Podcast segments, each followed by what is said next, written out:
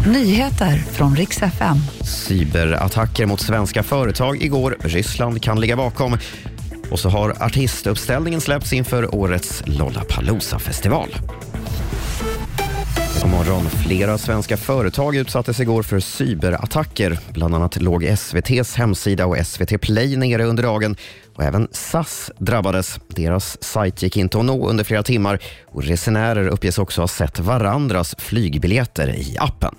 En hackergrupp som kallar sig för Anonymous Sudan har tagit på sig attackerna och säger att de var en hämnd för koranbränningarna i Sverige.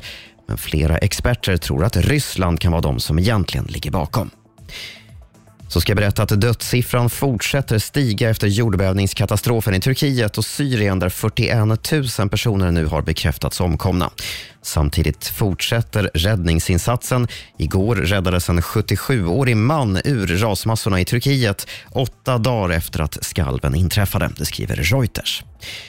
Och igår släpptes artisterna inför årets Lollapalooza-festival i Stockholm. Travis Scott blir ett av de stora dragplåstren. Han återvänder efter att ha uppträtt på samma festival 2019. Andra som står på scen i månadsskiftet juni-juli är Lizzo, Sara Larsson, Kygo, Icona Pop och Molly Hammar. Totalt runt 70 artister är klara och biljetterna släpps nu på morgonen. Det var de senaste nyheterna och jag heter Robin Kalmegård.